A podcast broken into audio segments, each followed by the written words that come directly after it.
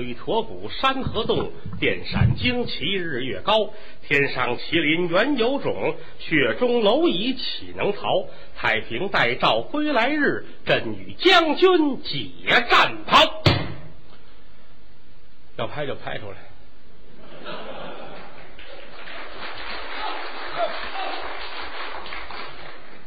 感谢朋友们的光临。今天比上周五这风还大，还冷，据说是零下五度，太不容易了。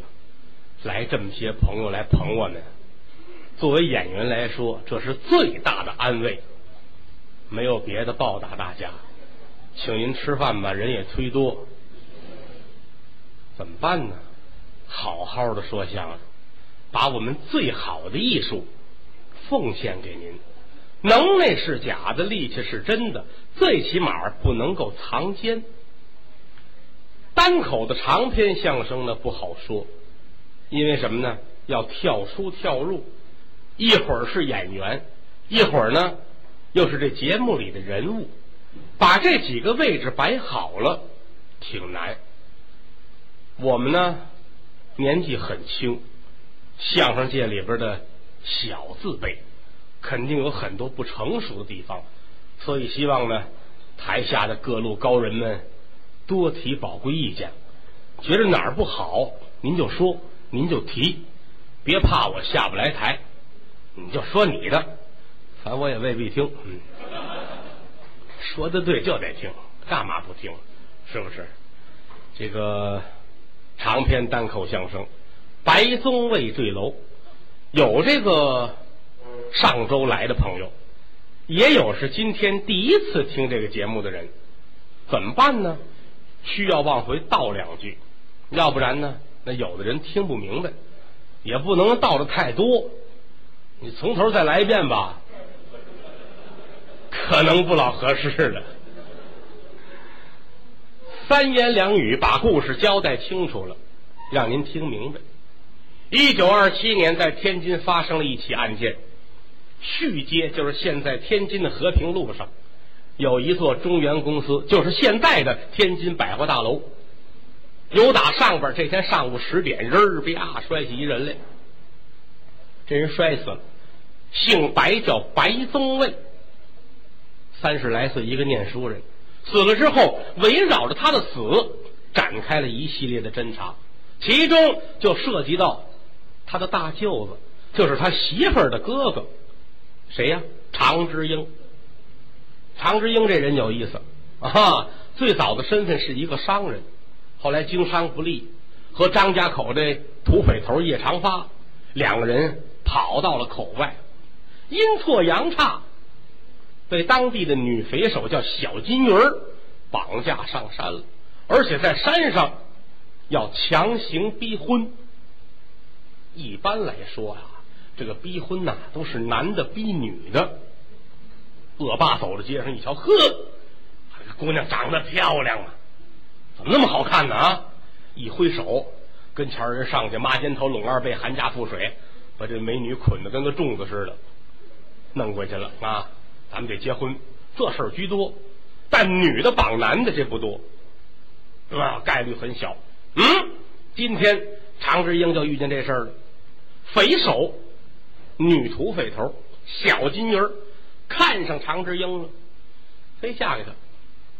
而且来说，这里边还关系一个人，也是当地的土匪头，是一个瘸子。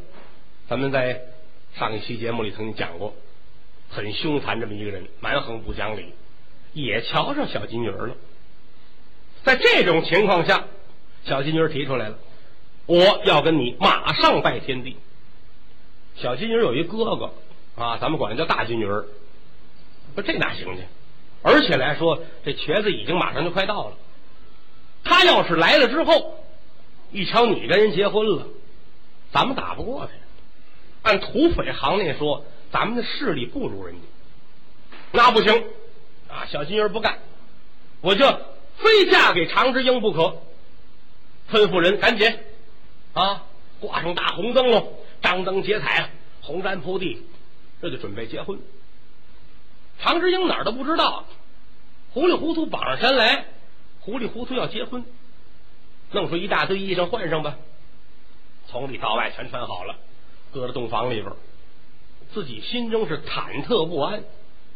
哪儿的事儿去啊？我也不认识你。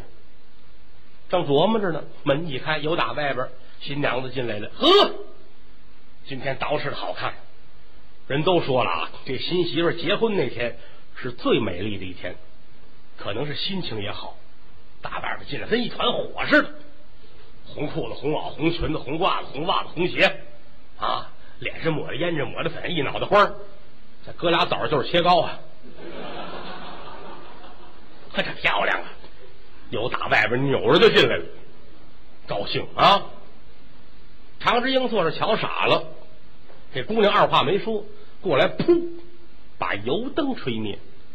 此处删去三千五百字。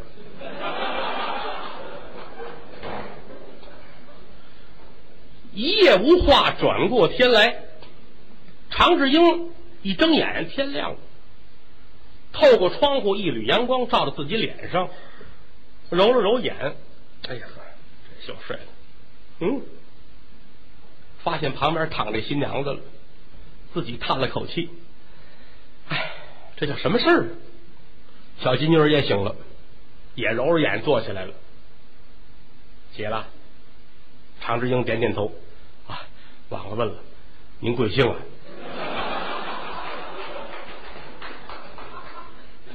啊，咱们是两口子，是我认为两口子最基本来说也得知道对方叫什么。啊，你就管我叫小金鱼就行了。哎呀，这个姓小的可不多呀啊！你叫什么呀？我叫常之英。俩人这说着话，站起身来，穿好了衣服，外边有小喽啰准备好了，什么洗脸水呀、漱口水呀，梳洗打扮，穿好了衣服，进了一喽啰。姑老爷，这是喊常之英。姑老爷，啊，找我呀？是，那个找您。哦，转身出来了。谁找我呀？我们大寨主找您。大寨主是谁呀？哎，小金鱼他哥哥。找有事儿，来吧。来到这屋，一瞧这位新上任的大舅子，跟屋里边正遛弯呢。哎呀，这怎么弄这事儿？怎么呢？他这心里边比常之英还要忐忑不安。为什么呀？那瘸子已经在上山的路上了。待会儿来了，这事儿怎么说？要说动文的，自己不行；动武的，人没有人家多，势力没有人家大，怎么办？如果说真呛不起来，整个山寨付之一炬。多少年的心血，就算是完了。所以说，心里挺难受。就这会儿功夫，常志英进来了。哎，哎，哎，哎，俩人很尴尬，不知道怎么称呼。坐吧，坐吧。哎，哎，哎，哎，坐下了。这个，哎，没法说。您怎么怎么称呼来着？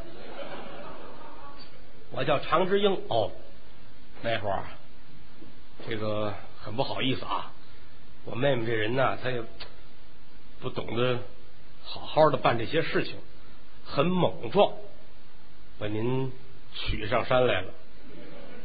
现如今没有退路，很危险。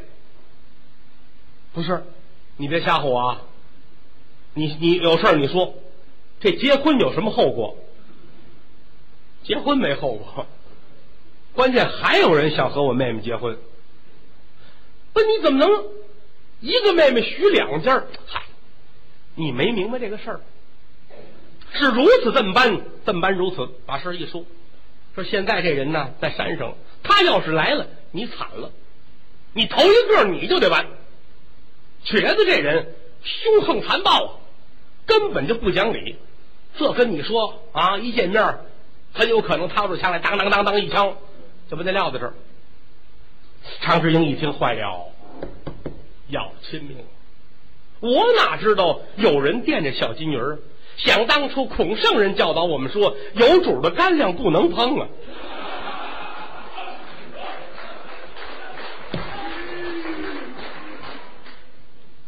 这怎么办呢？我说，大哥，事到如今，你得给我出一主意。又何况说这事儿不是我自愿的呀？啊，我出来我是有我的苦衷啊。谁让你们这强抢民男的啊？那事到如今，你得管我，你不管我不行。嗯，是我叫你来呀，就是跟你商量这事儿。第一。我不希望你出事儿，不管怎么说，你现在跟我沾亲戚，你就算跟我妹妹跟前儿站了一晚上，你现在也是我的妹夫。你真死在山上，我心里不是滋味。第二来说，我跟那瘸子明说，我打不过人家，他能踏平我的山寨，因为你我这儿全完了，我也不愿意。那你快说吧，你不用解释，这我都听得明白。你就说我怎么办？我想了，事到如今呢，不能正面冲突。你呀，你得躲起来啊！我怎么个躲法啊？哎呀，上山呢就是一条路，下山你是两条路。哪两条路？第一，你就顺着大道往下走，迎着瘸子走。那他要碰见我怎么办呢？那你就死了。你这法不怎么样，这个甭费这么大劲，我解衫跳就行。还有别的道吗？还有，你要乔装改扮啊！乔装改扮，我怎么改法？你是一念书的人啊，有一部书叫《西游记》，你看过没有？哦，这我看过。我能从中受什么启发？其中有一个英雄叫武松，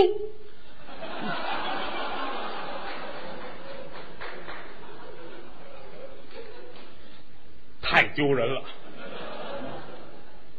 这不是一回事啊！杀潘金莲那个？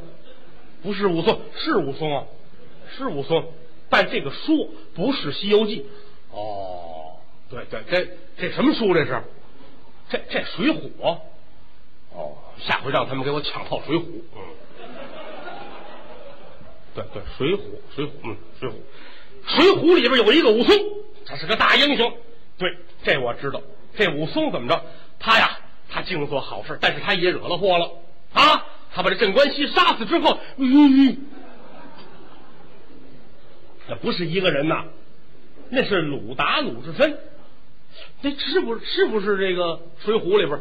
是啊，但这事儿是俩人做的。哦，反正是这么着吧。我有这个印象，这俩人出事之后，他都采取了一种方法，什么办法？出家呀！啊，把头发一剃，佛门弟子，你这就算是解脱了。哦，你这意思，我把头剃了。我就当和尚去，对呀，这个办法多好啊！哎，我这个命啊太苦了，当了一天土匪，转天新郎子，再转天当和尚去了，三天之内尝遍人间大喜大悲啊！做人做到我这份上，也算古今第一人了啊！您这法行吗？行，我跟你说啊，我这有全套的僧装。什么东西都是齐的，一剃头穿上就是。邪了门了！你说你这土匪，你预备这个啊？我前些日子我洗劫了一个庙，是吧？我东西服装我都拉来了啊，行不行？哎，事到如今只能这样。可要是这样的话，我走了，不是把你妹妹坑了吧？那你甭管，那你甭管，牺牲她一个人，保证我山寨的安全，还是很有必要的啊！来，你坐这儿吧。一伸手啊，早就预备好了，有一把剃刀啊，杠了一杠，看看挺快。来，你坐这儿，我给你剃。不是你行吗？没问题，来吧，往这一坐，拿过刀来，呲儿，哗，血就下来了。哟，这个我这个技术稍微，你等会儿，撕了张纸，贴上了。词儿，词儿，没事儿这一会儿你就词儿哟，这这大点儿这个，哼，词儿你换。常志英摸了摸，你别撕了，来整张纸包上得了。啊，有镜子吧？有镜子吧？啊，有，你看，你看，你看，照镜子一看，呵，常志英差点哭了。我跟金钱豹似的，好歹二三呢，这脑袋算是剃完了，找出一套和尚的衣裳，穿穿穿，全穿好了，系上丝绦，底下换上水袜云履，都弄好了。哎，行，嗯，想干这个的啊，挺好。你以后有人问，你就说你叫知英和尚啊，好，连名你都替我起好了哈。行，要这么说，舅兄，别别别别。咱就别这么拎了啊！咱这亲戚就到这儿了啊！你别顺这边走，你要顺这边走的话，你容易让我妹妹发现。又何况这么下山的话，整碰上瘸子。后山有一趟小道，你捋着这边走，好不好？这样啊，我这还有点钱，你带在身上，作为你的路费盘缠。青山不倒，绿水长流，他年相见，后会有期啊！给你，常之英万般无奈，接过钱来，带好了。转身抱了抱拳，得嘞，跟你妹妹说，我对不起她了，我走了。转身出了门，往外就走。没有这么巧的事儿，没有二十分钟，瘸子就来了。他也是听别人说的，说可能啊，这小金鱼要嫁人，正好瘸子路过这一块儿啊，这边有一笔生意要做啊，就是抢人东西啊。说这可不行啊！我很喜欢小金鱼儿，那些年因为他岁数小不合适，现如今我们两个很般配。他已经很大，他二十五了，我也才五十四嘛啊！走，咱们去瞧瞧去，鞭鞭打马就来到这儿。别瞧腿脚不好，骑这马太漂亮了，高头大马，白龙马。头至尾够丈二，蹄至背八十五，细蹄寸大蹄满，唐了班调度，安颤鲜明，一拽丝缰，稀溜溜暴叫一声，龙吟虎啸，真乃是宝马良驹，好马。后边跟着一堆喽啰兵，拿着枪的，别着刀的，扛着管子的，什么都有，凶神恶煞。来到这儿，有人通禀，老大赶紧出来，得客气呀，哎呀，有失远迎啊，当面恕罪，啊，赶紧进去吧。让到里边，分宾主落了座，有人献茶聊天这功夫，有小楼兵。就跟小金鱼说了：“出事儿了，姑奶奶。啊，怎么着？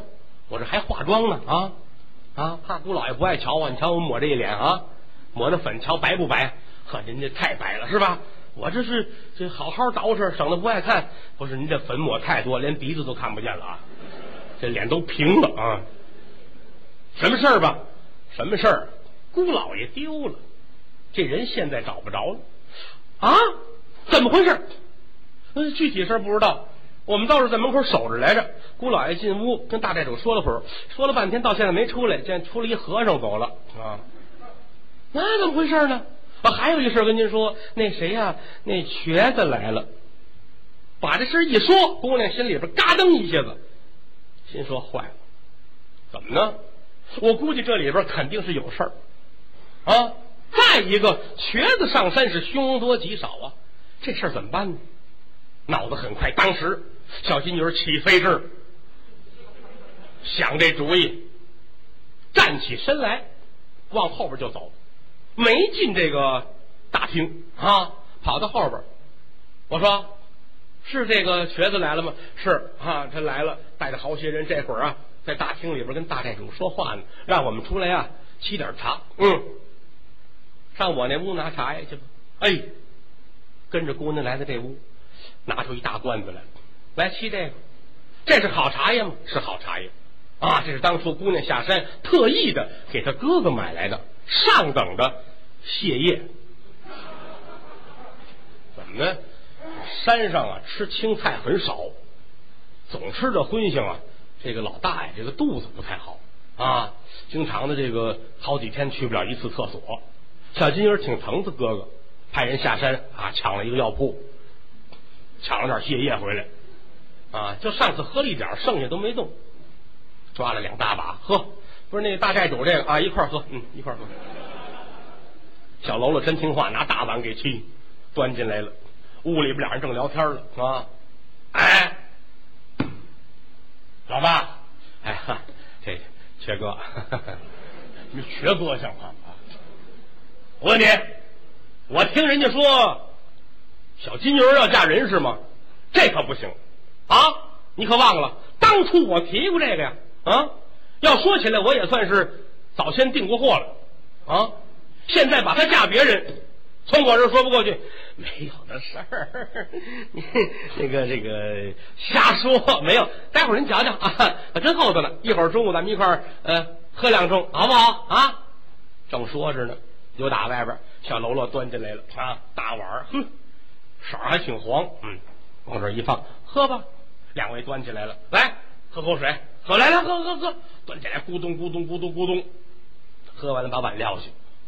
说点这个绿林上的这些个奇闻异事，俩人聊天五分钟左右，这个瘸子觉得不对劲儿，这个肚子里边啊，他一个劲儿的咕噜来咕噜去，咕噜来咕噜去，不太舒服。可是呢，还想忍着点怎么呢？就没有身份呢？自己来了啊，无论从势力上还是方方面面，都比这大金人强。可是你刚一见面，两句话没说，你厕所在哪儿了？不好看啊，想忍着。花开两朵，各表一枝。单说这位常之英，由打屋里出来转了半天，没转着下山的道。哪儿能下山呢？嗯，他说有条小路，这小路在哪儿啊？抬头一看，他不认识。这个山道，你要是不熟啊，很难找。哪儿有啊？转来转去，他可转到马棚子。一抬头，就就瞧见这匹大白马了。谁的呀？瘸子的，太漂亮了。常之英心说：“哎，这是个办法啊！我走着走，这得什么时候能逃出去？”而且这会儿马棚无人看守，我要说过去，我这马骑上，我跑起来可就快了。左右瞧瞧，没人，心说好办法，我就这会儿过去偷。如果说喽啰们发现呢，我就说我是姑老爷，没有人敢把我怎么样。他可不知道这马是瘸子的，蹑手蹑脚来到跟前一瞧啊，这马太好看了。刚吃完草，刚喝完了水啊，而且鞍颤都卸下来了，堆在地上，怕马累着。这会儿这光身子这马，这是如果骑的话，这叫缠马啊，马鞍什么都在地上，挺高兴。伸手刚一拍这个马，就打左边过了一只手，啪，把肩头抓住。常志英就觉得浑身上下拿雷劈着似的，怎么呢？他自己没有偷过人家什么东西，虽说跟着叶长发一块出去抢过吧，但那他只是作为一个辅助的能力，主动作案没试过。浑身拿雷劈着，一激灵，哎呀，谁呀？叶长发。那么说叶长发怎么找到这儿来呢？嗨，这几天呢，叶长发要了命。每天常之英出去遛弯去，遛一圈就回来。无论是哪儿喝酒去也好啊，出去逛一圈，逛逛街，一会儿回来。这天到天黑都没回来。长发，你别瞧跟他认识时间不长，哥俩投缘有感情，哪儿去了呀？大伙手下这些人，给我找！无论如何啊，找着常之英，这常大爷上哪儿去了呢？找不着，跟前都找了。常发很着急，带着自己手下这些个亲近弟兄，说每天呢，这个常大爷上哪儿吃饭呢？说就是那个东岳楼那儿。好，咱们上东岳楼看看去，问问老板知道不知道？是不是跟那儿喝多了？是不是跟那儿打起来了？是不是老板图财害命啊？都想起来了。来吧，来到东岳楼这儿，嚯！掌柜的赶紧接出来，认识啊！哇，叶子爷好，你这个了不起啊！您快来进来吧。明着他在张家口这儿是一个大富商，所以人们都尊敬他，让进来。哎，我们这个一块来的常大爷来了吗？说没来，哈，真没来。您瞧瞧，嗯，这两天一直没瞧见他，不知道干嘛去了。那些日子倒是跟着您一块儿来，呵，你瞧这找不着了，这怎么回事呢？啊？问问一块儿经常上这吃饭的人们，你们、你们、你们都知道吗？不知道。哎，你们这是怎么回事？正说着呢，这犄角这打起来了。一个叫张三，一个叫李四，这哥俩跟那打起来了。叶长发过来还劝架，嗨嗨嗨嗨嗨，别打别打，我就问点事儿啊。你们那个瞧见跟我们一块来喝酒的那个常大爷了吗？哎，这顾不过来，我们先打完再说吧。啊，不是你们怎么回事？你们俩人这一说，把叶长发乐坏了。这俩人一张三，一李四，俩财迷疯啊。在张家口地区，这俩人有名，蹭吃蹭喝。哎呀，一个叫瓷公鸡，一个叫铁仙豪，从来讲究是蒙人饭吃。无论是跟谁打交道，拿人当朋友啊，和，你是我好朋友啊！你哪年生的？回去之后，他拿笔都记上这儿。到那天你过生日那天，上家串门去，啪啪啪一砸门，这一开门，说你们哥俩来了啊！您这生日快乐啊！嗯，这我们都忘了，是我这有账本啊，都写着了啊。来吧，走吧，今儿你生日，你得请我们吃顿饭。嗯，干这个的啊！有一次俩人出去，呃，上谁家串门去？人家两口子打架，俩人不管那套，坐着就吃。吃完之后，桌子上有一大碗红烧肉，俩人还给端走了。干嘛呀？晚上吃，因为红烧肉差点没出事儿红烧肉搁在桌子上，我们俩人坐屋里边闷得了米饭要吃。嗯，这会儿功夫点那油灯灭了，这时候你别动啊。我上那边啊，拿火柴点油灯。可我不放心，我要走，你夹这肉怎么办呢？你这样，我上那屋去拿那个火柴去，你跟这儿，你拍巴掌，知道吗？在我回来的时候啊，这不能停啊！听见了吗？这时你放心，你听着吧啊！这个走就听着啪啪啪啪啪啪，真好！回来点上油灯。肉没了，呵，邪了门了啊！这怎么回事呢？你我听你拍巴掌，哎，你那脸怎么肿了？这时候是一边吃一边抽嘴巴啊！你说吃东西吃到这份上啊，也算古今第一人了。两位今天跟这儿打起来了，怎么回事呢？这俩人今儿商量好了，说出来一块儿喝茶呀，要点小吃，往这一坐。从来这俩人身上不带钱的，啊，做一对联儿。这说我我要喝碗茶，你喝吗？一琢磨，我要说喝，我得花钱请俩人，我不渴。心说你要是要完了呀，我跟这倒一杯啊，我我不渴啊。这说那我自己要了，那你要吧？嗯，把掌柜的喊过来，我这身上啊，我就这个就就一毛钱哈，来一毛钱的水吧，一毛钱就一碗，端过来，嗖儿一口喝干，搁那儿了。这更恨呐！端起碗来看看，空半天没空出来啊！这又说了：“哎，你吃点心吗？”我不吃。好，掌柜的，我这还有一毛钱啊！嗯，再来一毛钱点心。嗯，吃饱了，吃完又问：“你吃瓜子吗？”我不吃啊！一掏这口袋，这还一毛钱啊！身上带八毛钱，搁六个地方。这急了，轮圆给了一嘴巴，俩人打起来了。叶长发赶紧劝：“别打，别打，见天跟着啊！别打，别打，有事好说。我问一下。”我们那些日子见天有一位大哥啊，常大爷跟我一块来这儿吃饭，你们认识吗？是见过，跟您一块那个，他来没来呀？我这两天真没瞧见他啊！哎呦，这人丢了。张三说没事，不要紧的，没事。嗯，你呀这样，人光吃啊没什么意思，保暖思淫欲。你出去上咱们这儿那个什么妓院什么的，你转悠转悠去，你看看有没有，保不齐跟哪儿碰见一个啊不错的姑娘。他跟人跟人那儿住些日子也未可知。长发想了想，这个常之英不至于啊，因为什么呢？接触这么段时间以来啊，这常之英啊毛病是有，嗯，说话呢不着三不着两的，有点二百五，这是他的缺陷。但他还真是没有说偷着出去逛个妓院，这没有。不相信，旁边的弟兄说：“大爷，这个没准儿，是吧？他跟这儿喝酒吃饭，他腻了，他保不齐啊。说姐姐腻了，咱们瞧瞧去吧。好吧，走。几人就出来了，一直就来到张家口这儿最有名的几个妓院啊，好比进一家，就跟进十家似的。这一进来，负责人赶紧出来了啊！大爷您来了啊！您待客很热情嘛，请进来吧，请进来了，往这一坐。你看您嗯有没有相好的呀？熟的不是啊？你没听明白我的意思？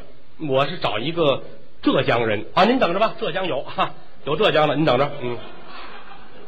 这一喊，呼啦超进了一大帮啊！在院里等着，老板呢站屋里说：“您等着，哈，都是浙江的，您一个个看吧。”啊，一挑帘子进来一个啊，拿一手绢这样；又一挑帘子进来一这样的啊，进来一这样的啊，一会儿进来一个这样的啊，又来这样的，出去啊！这后边这俩是练健美的啊。传芳说：“不对呀，我不是找着我找男的呀！喊您早说呀，是吧？”那这个我们这儿有那个客人的登记本，您瞧瞧吧啊，都在这儿了啊。徐德亮徐先生，李经李先生啊，这不是是史史爱东史先生啊，这都跟这儿常住的啊。您看看吧，不对，我找一个姓常叫常之英的，没有，都说没有。简短截说，整个把张家口地区所有的这些个风化场所全查一个遍，嗯。都是没有，最后啊，有人出主意，估计在这地面上要说出事儿了，有可能是咱们行里人干的。找吧，撒出风去，放出绿林铁，谁知道常之英这人没有不透风的墙，雪里埋不住雪死孩子啊！没有两天，消息传来，啊，查着了，这人呢，让小金鱼弄走了。嗯，行。有消息就好办。叶长发孤身一人上山，要救这位常志英。他对这个山上还是比较熟的。由打后山上来之后，一上后山没多远，离着马棚就很近了。离老远就瞧见了啊，他过来一和尚。本来自己还想问问啊，是这个和尚熟不熟？再一瞧，还什么和尚？这常之英啊，这是。嗯，跟在后边跟着，其实他干嘛呀？瞧了一会儿，一瞧进马棚了，看这意思，左一瞧右一看，伸手摸人这马，叶长发就乐了。看起来呀，挨金似金，挨玉似玉。跟我待了一段时间呢，他已经学会了化妆偷窃了。哈，我是真没想到啊！他把自己装成一和尚偷人马，嗯，所以这才过来一把抓住了，把常志英吓一跳啊！刚一扭头，哎，这心才踏实下来。叶长发看他乐了，圣僧莫非从东土大唐而来，要往西天取经？哎呀，长发呀，长发，两世为人呐！怎么了？瞧不见你，我差点没死在这儿。你知道我这三天啊，出了多大变化？三天换了三个职业，你知道吗？嗯，啊，怎么回事？没有功夫说了，这个地方太危险，是非之地，不可久留。咱们走。长发乐了，你喜欢这匹马？我喜欢，我喜欢这马。我我决定，我带他走。啊，这是你的吗？现在是我的了。啊，现在是我的。啊，行，那这样，呃，你骑着马走，咱往外。哎呀，可是我，我我不老会的，我啊，你不老会，你偷人马，这摔死冤不冤？这个啊，不是你，你你上去，你带着我，带着我，我跟着后边，咱们就走了吗？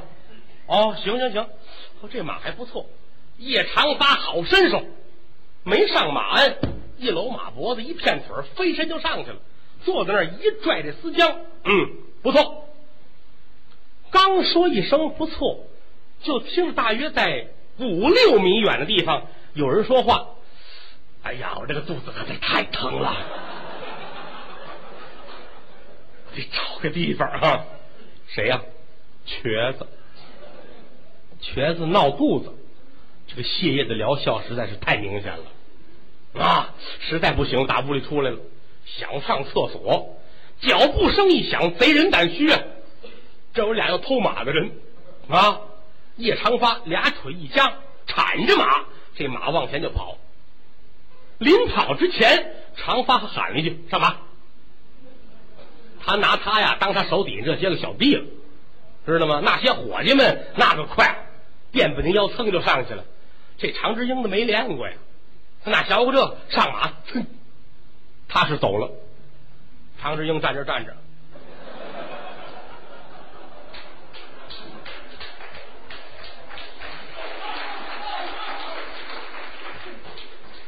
而且身后脚步声越来越近，再往远处看。长发没了，嗯，叶长发找不着了，身后脚步声越来越往前走，常志英真吓坏了，掏出块手绢来，冲着叶长发，保重啊！怎么办？而且一转身，瘸子到跟前了，哎呀！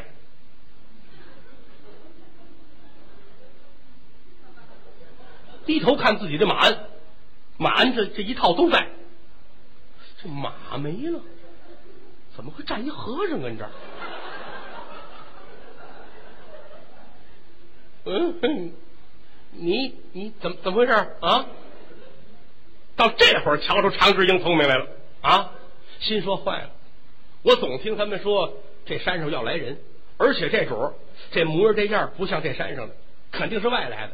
瞧这意思，指这马问他认识这马，哦，阿弥陀佛，哎呦呵，哎，这这这圣僧，您是哪儿来的啊？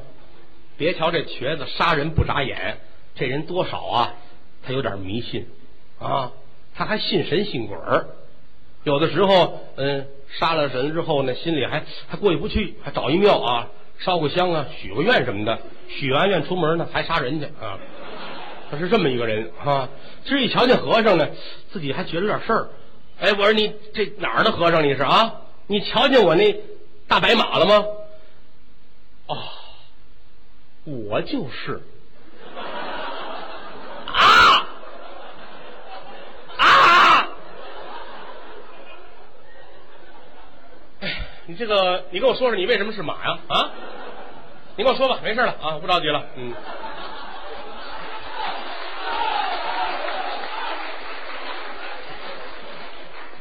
大不了回去换裤子呗啊。这个突如其来的这个惊吓呀啊，让瘸子搂不住中气了啊。说吧啊，是吧？你你怎么会是马？你不是那和尚吗？阿弥陀佛，呃。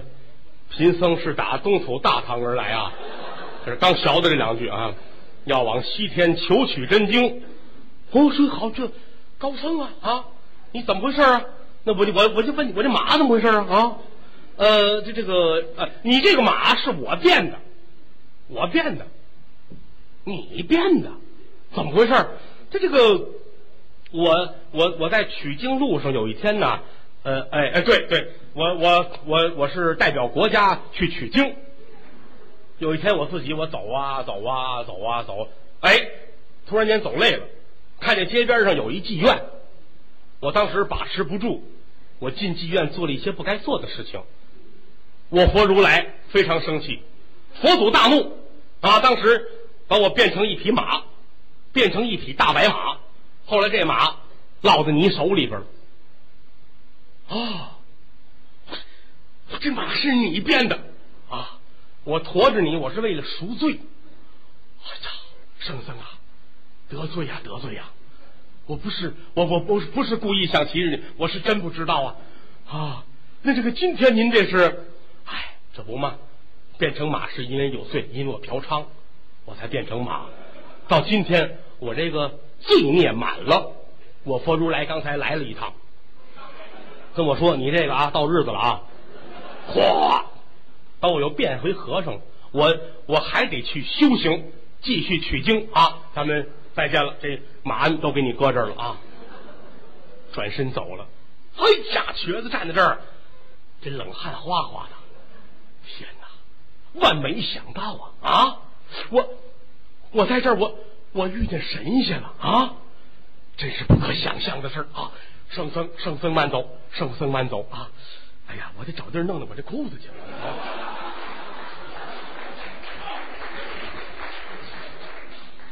也不好意思直接回屋啊，找一个旮旯那地方，把裤子脱下来，是怎么抖楞抖楞啊？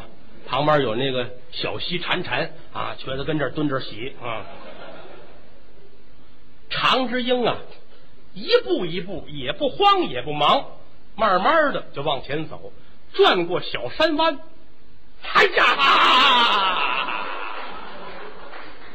跑吧！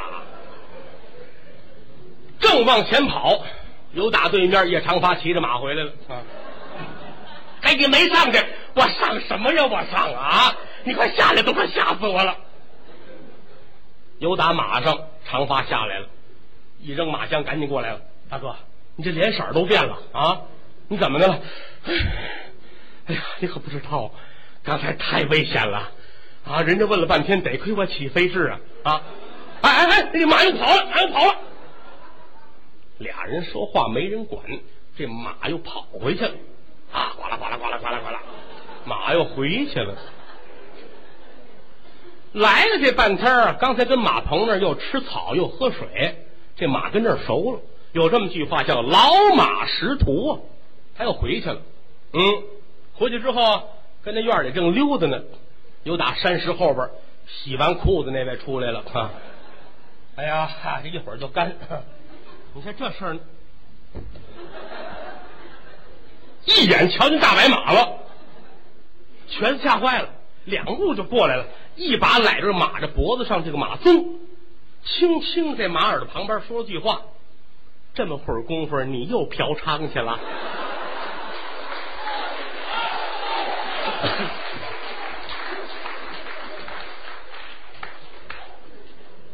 放下山上的事儿，咱不说。花开两朵，是各表一枝。单说长枝英叶长发，由打山上后山小道，一不踉跄往下就走，三步一回头啊，怎么呢？心里边觉得对小金鱼有些个愧疚，不住的回头看。哎，我这小金鱼啊，我这小金鱼儿，长发劝行了，下山咱买大螃蟹得了。回到了长发的住所，啊，歇歇吧，洗个澡，换换衣裳，弄了几个菜，弄点酒，哥俩坐这儿，连吃带喝。酒过三巡，菜过五味，常志英啊，唉声叹气，唉，眼圈都红了。嘿，常老大，你怎么了？没事儿，哎，我这人呢，命实在是太不好了。嗨，寄生江湖内便是薄命人呢。像咱们这个，你考虑这么些个没用。来，喝一杯，喝一杯。端起杯来，一饮而尽。放下酒杯，常志英眼泪就下来了。长发，你说我太不容易了啊！我从小的时候啊。上学，我是一心想当一个好学生了啊！后来呀，学校不让我上了。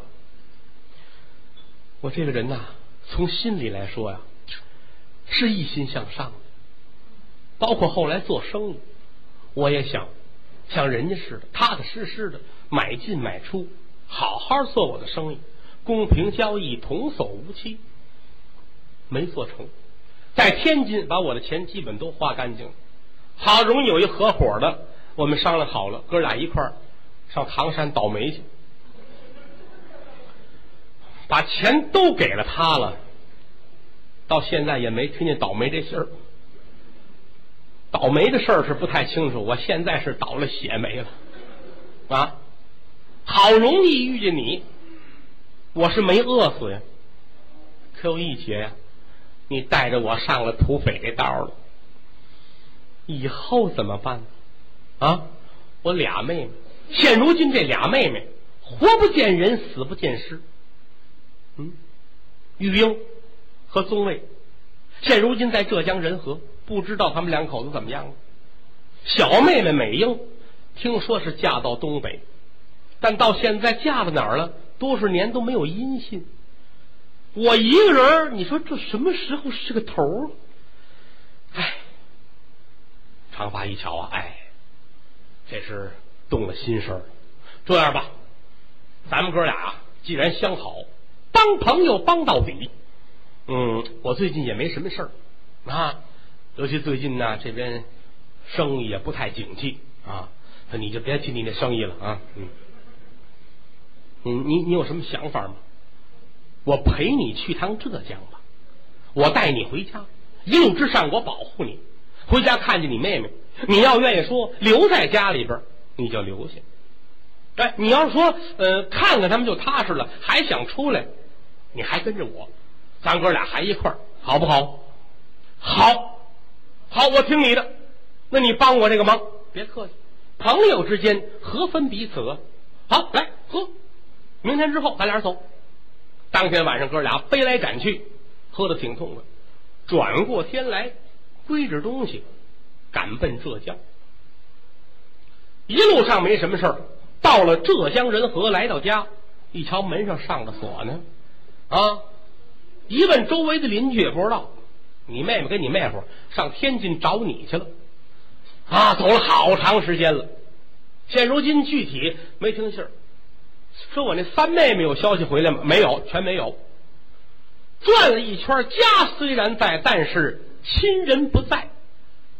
长发还劝他，行了，这不回来瞧见了吗？啊，干脆这样，不是说他们出去了吗？我带着你，咱们全国各地，咱们好好玩一圈，各处看一看。因为什么呢？这个大海捞针呢不好找，你也不知道他们会落在哪里，哪儿碰见了哪儿算，好不好？那这个这不耽误你的事儿，我没事儿，我这工作走到哪儿都能干啊。哦，你有这把握是吧？行，那咱们走吧。啊，去哪儿呢？得了，先上苏州啊、扬州啊、杭州这一带转转吧。啊，都挺近的，各处看一看。到扬州看看，到苏州看看啊，到这个杭州瞧瞧。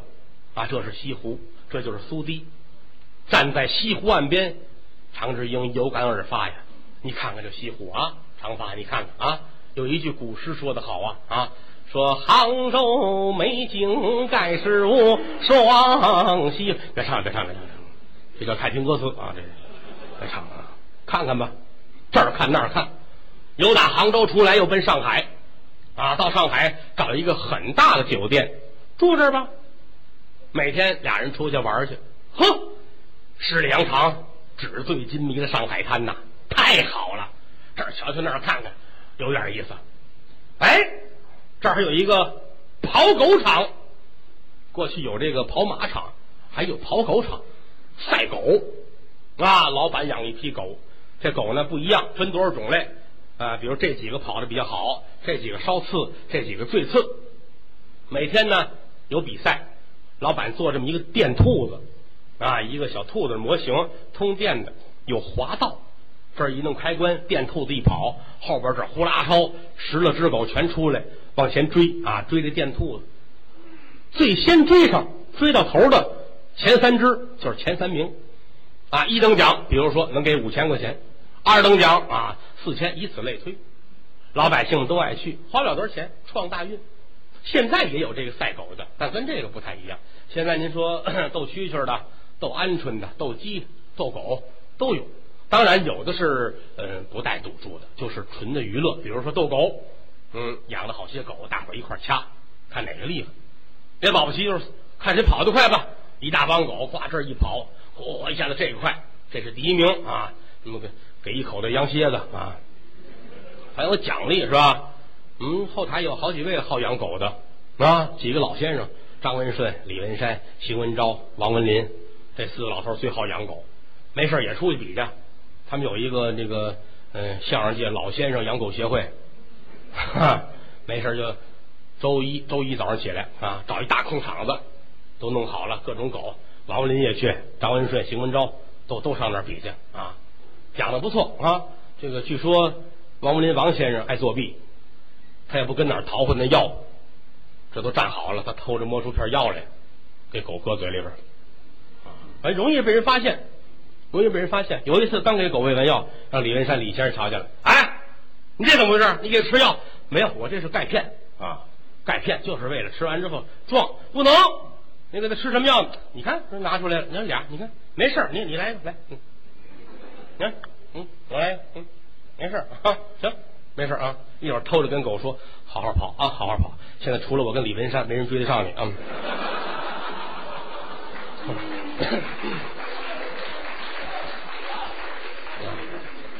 好好跑，嗯。哎，这天也是啊。常志英、叶长发路过跑狗场，咱们也买张票吧，花不了多少钱啊，三头两块的，一人买张票。得问哪个好啊？老百姓有话，知道哪哪好啊？什么一号、二号、三号啊？哪个跑好，买哪个。按说呀，一般买这个你赢不了，因为什么呢？这个决定权呢在老板手里边。你们大伙都买这个，最后甩这个狗没人买，他给这狗啊头跑之前呢打一针兴奋剂，到那天的时候叫这狗跑得快头一个，反不能让你赢了。为什么说这个无商不奸呢？就在这儿了。哎，常志英这天算赶上了，随大溜一块买，都买的是一号、二号、三号，这仨狗最厉害。买吧，买完坐这等着啊。老板很高兴，他今儿卖的怎么样？说一二三的卖了不少钱啊。七号没人买啊，因为什么呢？一二三都这么大的狗，嗯，这七号这狗这么大个，嗯，有这个吗有啊，当然有了是吧？过去据说秀狗很小啊。有一次我到东北见一朋友说，听说你买一秀狗，买一秀狗在哪儿了？这不骑着呢吗？哈，这是秀狗吗？这个啊，秀狗小，能搁袖子里边。别看它小，它它腿还短呢，是吧？跑起来这最慢，没人买。老板很高兴啊，太好了。比赛开始，给这个来一针啊，噗打进去，来一针打完了，这狗都疯了，拦不住了，已经啊，这一开始，噌一下子出去了啊，就跟拿枪把它打出去似的，追那电兔子。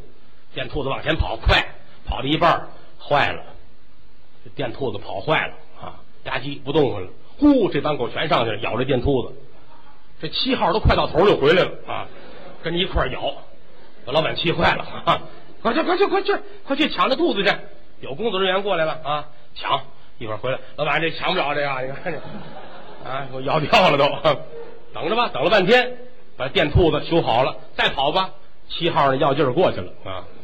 躺着不动弹了，要了命了！这场的钱都不够赔的了。哎，常志英、叶长发哥俩挣了钱了，都是一等奖。嗯，拿完钱高兴啊！志英说：“这以后咱们天天来吧。”叶长发说：“这不灵了，就一次啊！今儿是赶上了，挣了钱，咱哥俩吃饭去吧。”嗯，好啊！上海滩啊，好吃的东西太多了，美食那是走吃去吧，上城隍庙吧，什么好吃都有啊！转来转去，卖什么都有。最后有一家小店卖什么呀？生煎馒头啊，弄得很好，面发的也好，馅和的也好，汤汁也大。哗，端上来一大盘子。常志英终归是个文人哈，拿起筷子来，啊，拿过口布还擦一擦，要夹还没夹呢。对过叶长发那嘴快，拿起包搁嘴里一咬，吭哧一口，顺着嘴角滋，汤出来了，啪，全喷在常志英脸上了啊！常志英当时就愣了，纹丝儿没动啊。旁边伙计过来了，哎呀，先生对不起啊，你那个手巾擦一擦，接过手巾来，这不着急，他那还一盘没吃呢。两个人在上海滩这儿是东游西逛，这儿吃那儿玩，挺高兴，连玩了半个多月。这天晚上有打白天转了一圈，晚上回到酒店。坐在那儿自己想，哎呀，你看玩的时候啊，想不到这些个。这会儿天晚了，坐在屋里边，人的思绪啊，不住的胡思乱想，想来想去想到自己妹妹身上了。哎，叹了口气，什么时候才能见着我妹妹？什么时候阖家才能团圆呢？站起身来，在屋子里边随便的溜达。屋里有一张字台，无意中一拉这抽屉，由打里边拿出一张相片来。不知是谁掉在这儿了。常志英拿起相片一瞧，哎呀呵，是他。感谢您的收听，去运用商店下载 Patreon 运用城市，在首页搜索海量有声书，或点击下方链接听更多小说等内容。